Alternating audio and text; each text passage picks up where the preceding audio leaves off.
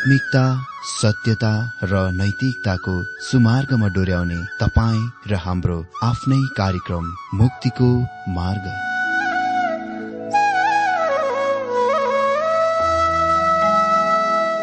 आदरणीय श्रोता यस मुक्तिको मार्ग कार्यक्रममा हार्दिक स्वागत छ।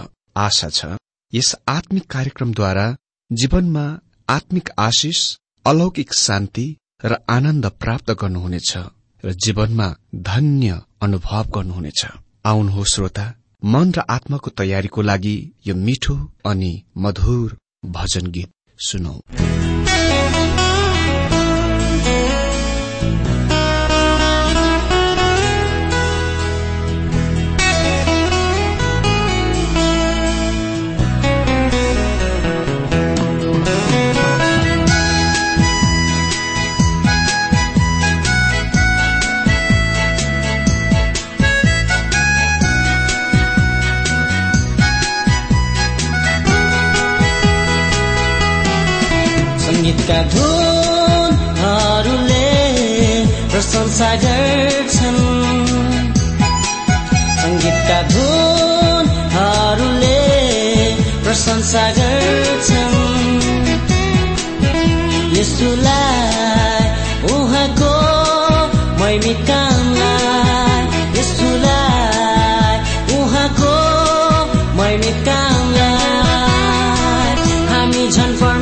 परमेश्वरका सन्तान स्तुति गरौँ ख्रिस्ट यसुलाई हामी झन् परमेश्वरका सन्तान स्तुति गरौँ ख्रिस्ट यसुलाई हृदयदेखि चढाऊ धन्यवाद।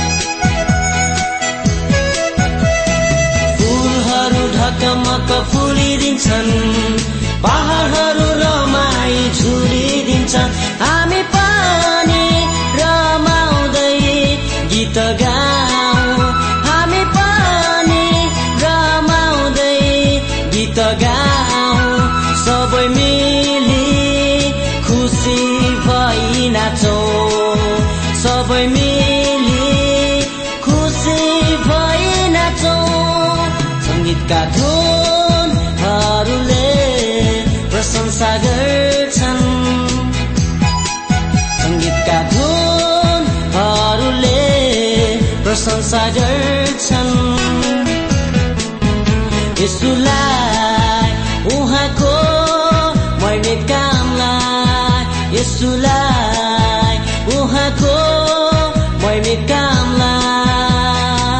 हामी झन् परमेश्वरका सन्तान स्तुति गरौँ ख्रिस्ट यसुलाई।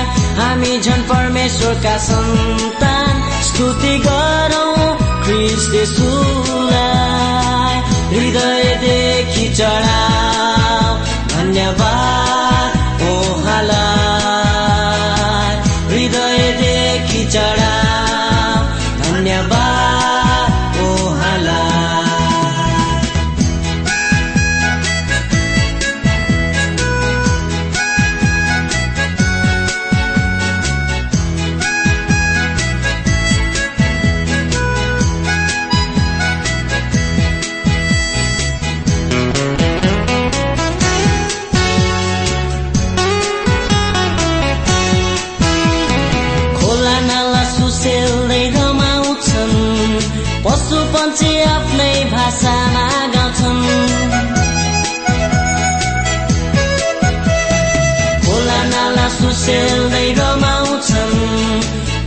पन्छी आफ्नै भाषामा गाउँछन्।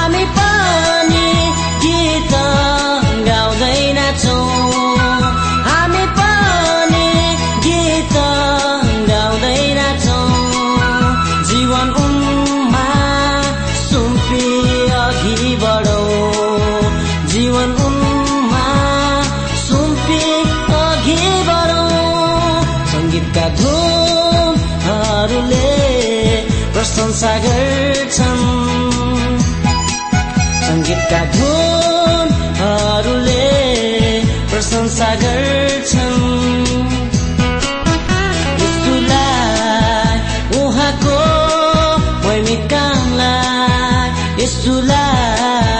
उहाँको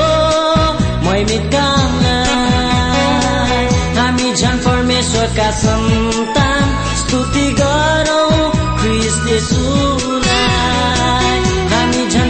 परमेश्वरका सन्तान स्तुति गरौँ ख्रिस्ट हृदयदेखि चढाऊ धन्यवाद।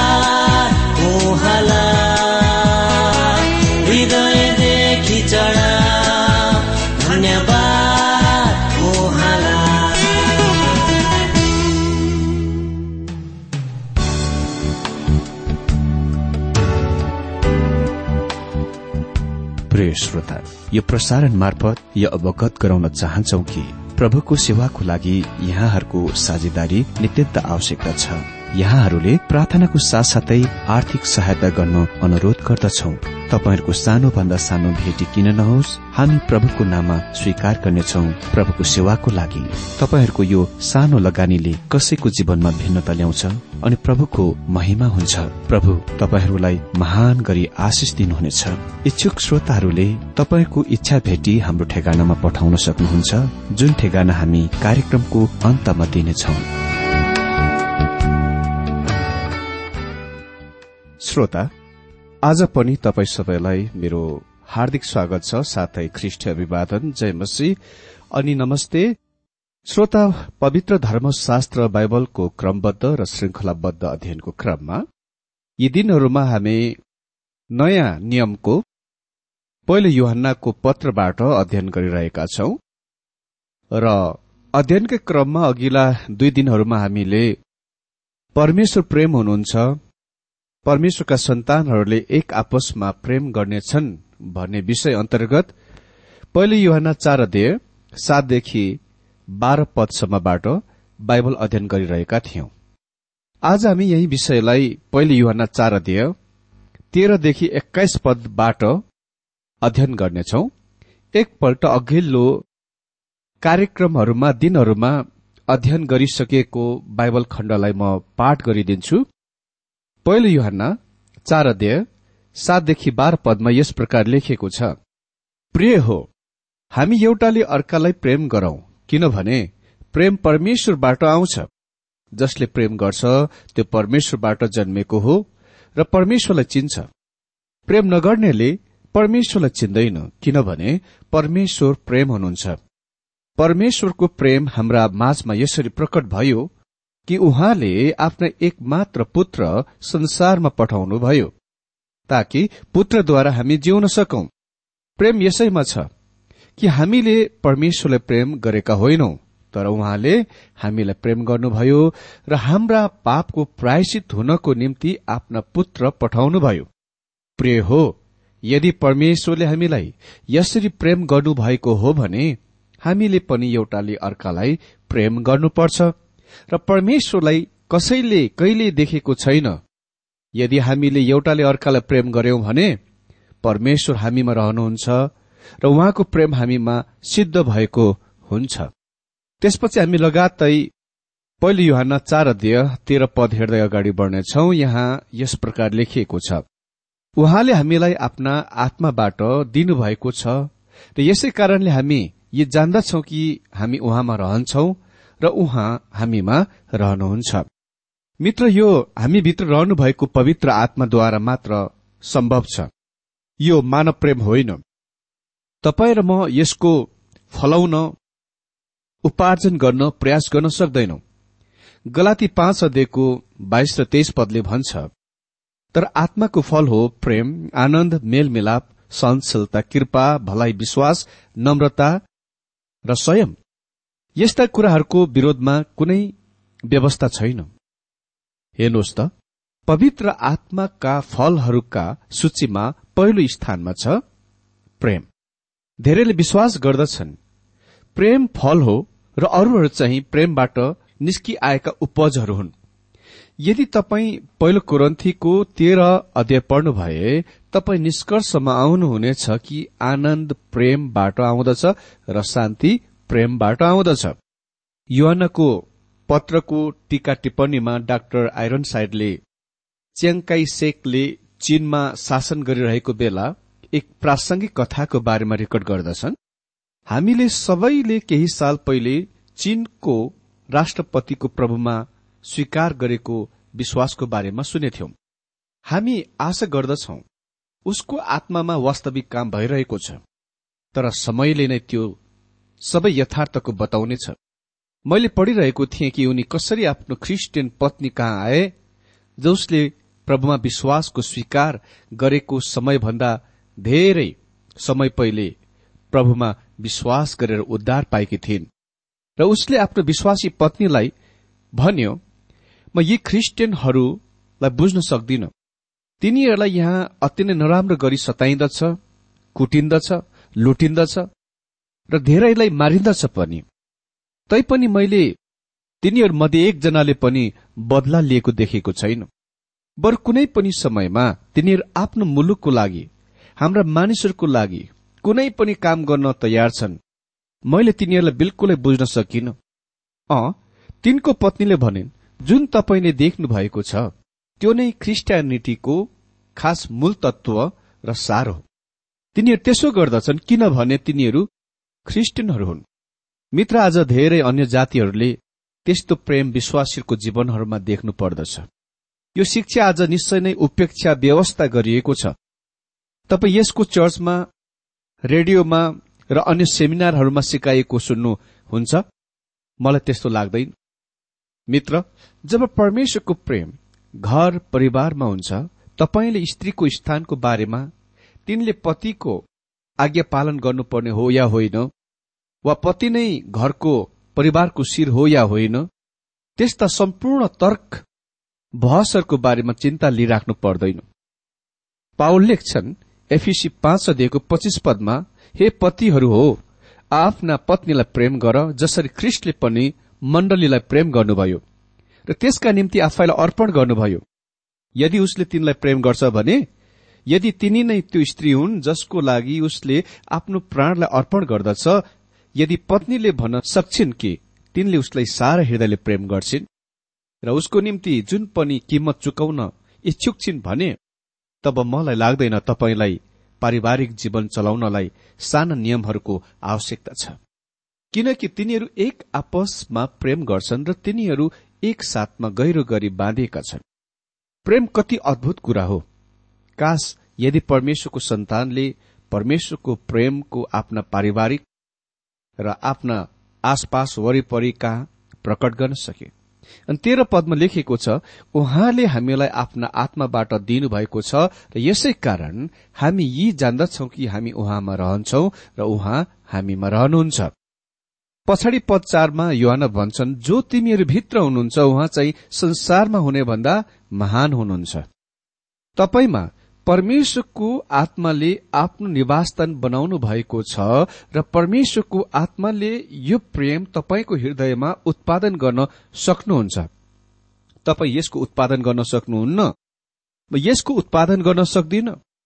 म यसरी प्रेम गर्न सक्दिन। मेरो स्वाभाविक झुकाउ यो हो जसले मलाई पिट्छ म उसलाई बल्लामा पिट्छु तर यदि तपाईँ परमेश्वरको आत्माद्वारा भरिनु भएको छ भने जो भित्र रहिरहन्छ हामी यस प्रकारको प्रेम जो संसारका प्रकट गर्न गइरहेका छौं। अनि चौध पदमा लेखिएको छ हामीले देखेका छौं र गवाई दिन्छौ कि पिताले आफ्ना पुत्रलाई संसारका मुक्तिदाता हुन पठाउनु भएको छ। यो नै सुसमाचार हो। यो नै सन्देशको हामीले दिनुपर्छ। यो नै हाम्रो प्रेमको उद्देश्य हो। अनि म यो तपाईँलाई अवगत गराउन चाहन्छु यो कुनै त्यस्तो कुरा हो जुन आफसे आफ स्वयं प्रकट हुन्छ। जब यसले अरूहरूको सधैँ कल्याण गर्न खोज्दछ र जब हामी ख्रिस्टलाई पापीहरूको निन्दित संसारमा लान्छौ त्यही नै तरिकामा हामीले हाम्रो प्रेमको प्रकट गर्दछौ। यस खालको प्रेमको बुझ्न कठिन हुन्छ। मैले विभिन्न देशका विभिन्न अन्य मुलुकहरूमा काम गरिरहेका धेरै मिसनेरीहरूसँग भेटेको छु। र तिनीहरूसँग धेरै समय संगतिमा र गफसपमा बिताएको पनि छु। मैले यी मिसनेरीको जीवनमा देखेको मुख्य कुरा छ कि तिनीहरू मानिसहरूलाई प्रेम गर्छन्। र तिनीहरूले प्रेम गर्ने धेरै मानिसहरू प्रेम गर्नलाई त अति नै कठिनको कुरा छ। तर तिनीहरूसँग ती मानिसहरूको लागि प्रेम छ। र त्यो कुरा देख्न अद्भुत कुरा हो। तिनीहरू के गरिरहेका छन् त? तिनीहरूले यी मानिसहरू कहाँ सुसमाचार लगिरहेका छन् र त्यो नै कुराको परमेश्वरले तिनीहरूलाई गर्न आगे गर्नुभएको छ। जब तिनीहरू त्यहाँ सर्वप्रथममा गए त्यो देशमा हुन सक्छ तिनीहरूले त्यहाँका मानिसहरूलाई प्रेम गरेनन्। तर तपाईँले मानिसहरूको बीचमा सेवा गरेपछि तपाईँले तिनीहरूलाई प्रेम गर्नुहुनेछ नत्र तपाईँ कति पनि परमेश्वरको सन्तान हुन सक्नुहुन्न र जुन उद्देश्यको लागि तपाईँलाई उत्प्रेरित गर्ने परमेश्वरको प्रेम हो त्यसको त्यहाँ तपाईँले देखाउन सक्नुहुन्न। भनिएको छ पन्ध्र पदमा जसले यसुलाई परमेश्वरको पुत्र हुनुहुन्छ भनी स्वीकार गर्छ त्यसमा परमेश्वर बास गर्नुहुन्छ र त्यो चाहिँ परमेश्वरमा। यहाँ नै तपाईँ उहाँसँग शुरूआत गर्नुहुन्छ। मलाई यो नभन्नुहोस् कन्याबाटको जन्म महत्वपूर्ण होइन।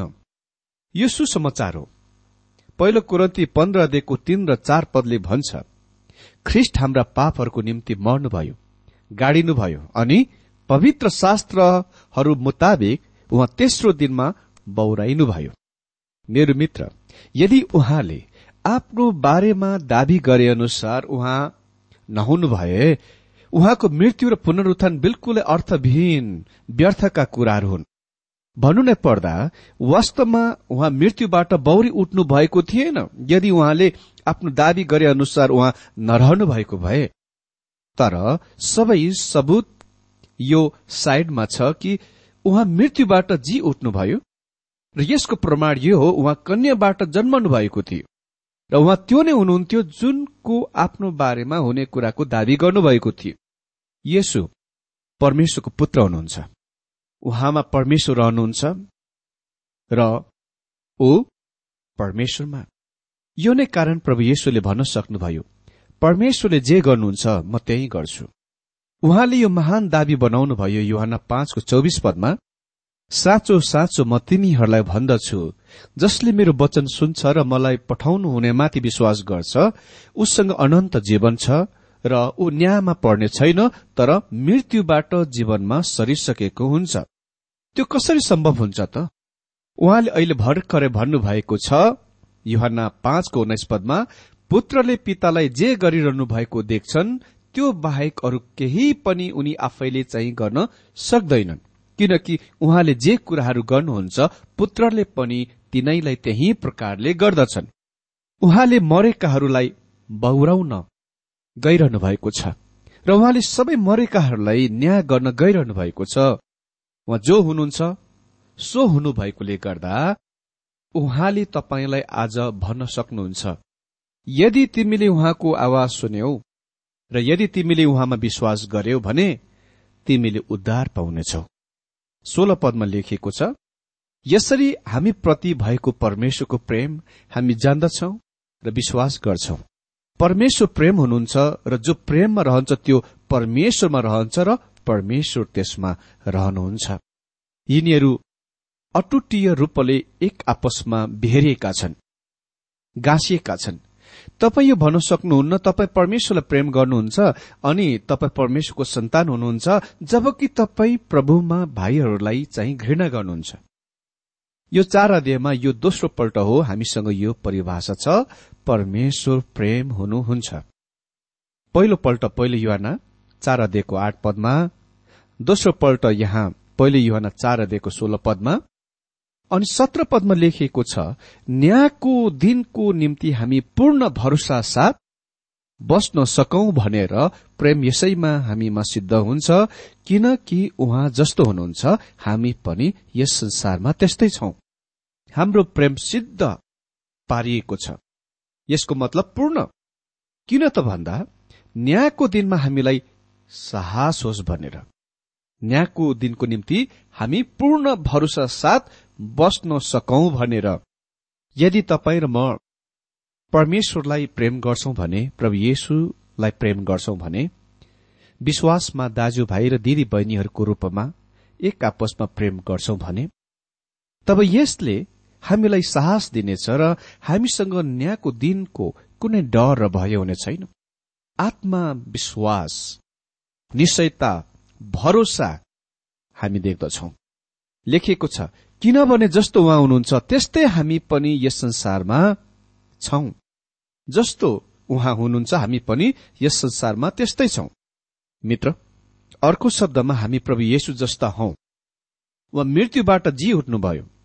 हामीलाई यहाँ भनिएको छ। र उहाँसँग जीवन छ।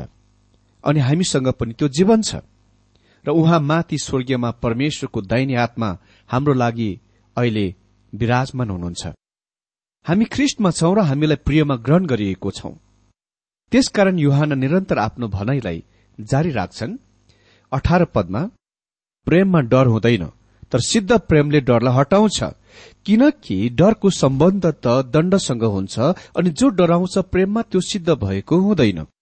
मानव हृदयमा डर जस्तो कुनै कुरा छैन तर परमेश्वरको सन्तानले आइरहेको कुनै न्याय वा दण्डको बारेमा डराउन आवश्यक छैन। यो सबैको ठिकठाक गरिसकिएको छ जब ख्रिस्ट तपाईँको लागि मर्नुभयो। लेखिएको छ जो डराउँछ ऊ प्रेममा सिद्ध पारिएको हुँदैन। यदि तपाईँ कायर डरपोक हुनुहुन्छ भने तपाईँ आफ्नो उद्धारको आनन्द भोग गर्न सक्नुहुन्न। आनन्द प्रेमबाट निस्किआउँछ। र यदि तपाईँसँग प्रभु येशुको लागि र परमेश्वरको लागि र तपाईँका प्रभुमा भाइहरूको लागि प्रेम छ भने तब डर भय फ्याँकिएको हुन्छ। निकालिएको हुन्छ। उन्नाइस पदमा लेखिएको छ हामी प्रेम गर्दछौ किनभने पहिले उहाँले हामीलाई प्रेम गर्नुभयो। उहाँले हामीलाई प्रेम गर्नुभयो जब हामी अप्रिय थियौं। कति पनि मन पराइने खालका थिएनौं। उहाँ प्रेम गरिन योग्य हुनुहुन्छ र उहाँ बिल्कुल लायक हुनुहुन्छ।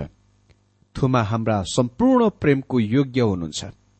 हाम्रा सारा भक्ति आदर प्रशंसाको र हाम्रा सारा सेवाको योग्य परमेश्वर हुनुहुन्छ उहाँ।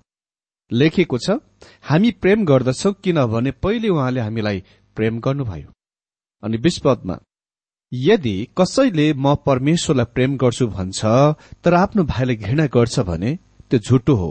किनकि आफूले देखेको आफ्नो भाइलाई नै प्रेम नगर्नेले नदेखेका परमेश्वरलाई प्रेम गर्न सक्दैन। मित्र मैले यो कुरा भनिन। युहान्नाले नै यो कुरा यहाँ भनेका छन्।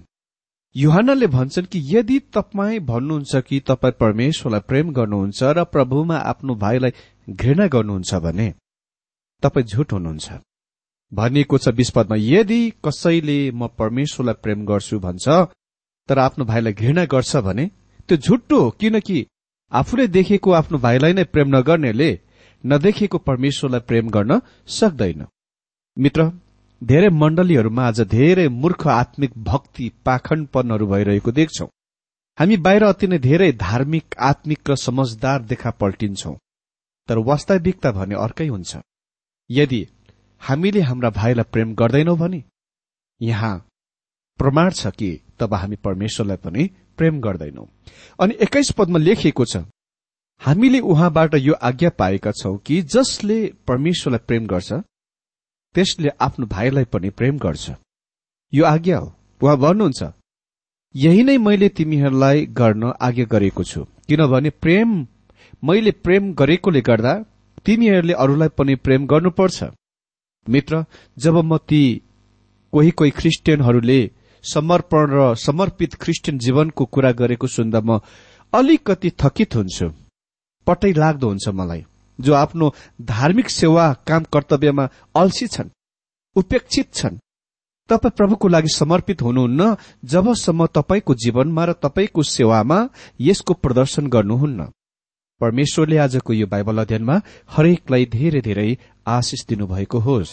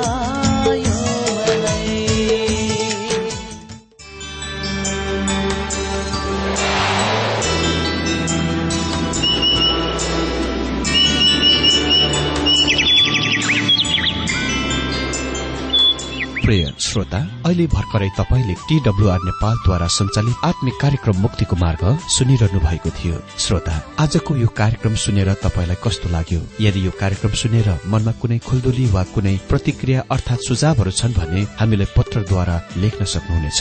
हामी हृदयदेखि नै स्वागत गर्नेछौ स्वीकार गर्नेछौ साथै बाइबल सम्बन्धित प्रचारहरू कार्यक्रम सारणीहरू हामी अनुरोधमा पठाउन सक्छौ। अनि तपाईँसँग कुनै प्रार्थनाको विषय छन् भने हामीले तपाईँको लागि प्रार्थना गरेको चाहनुहुन्छ भने प्रभुमा आफ्नै परिवार सम्झेर हामीलाई पत्रमा लेख्न सक्नुहुनेछ। तपाईँको लागि हामी प्रभु येशुसँग प्रार्थना गर्नेछौ। अधिक जानकारी र पत्रचारको लागि हाम्रो ठेगाना यस प्रकार छ। कार्यक्रम मुक्तिको मार्ग जीपीओ नम्बर उनानब्बे पचहत्तर इपिसी पच्चिस एकसठी काठमाडौँ। ठेगाना एकपल्ट सुन्नुहोला। कार्यक्रम मुक्तिको मार्ग जीपीओ नम्बर उनानब्बे पचहत्तर इपिसी पच्चिस एकसठी काठमाडौँ। हाम्रो इमेल एड्रेस हो TWR Nepal at Yahoo dot com साथै यस नम्बरमा एसएमएस गर्न सक्नुहुनेछ।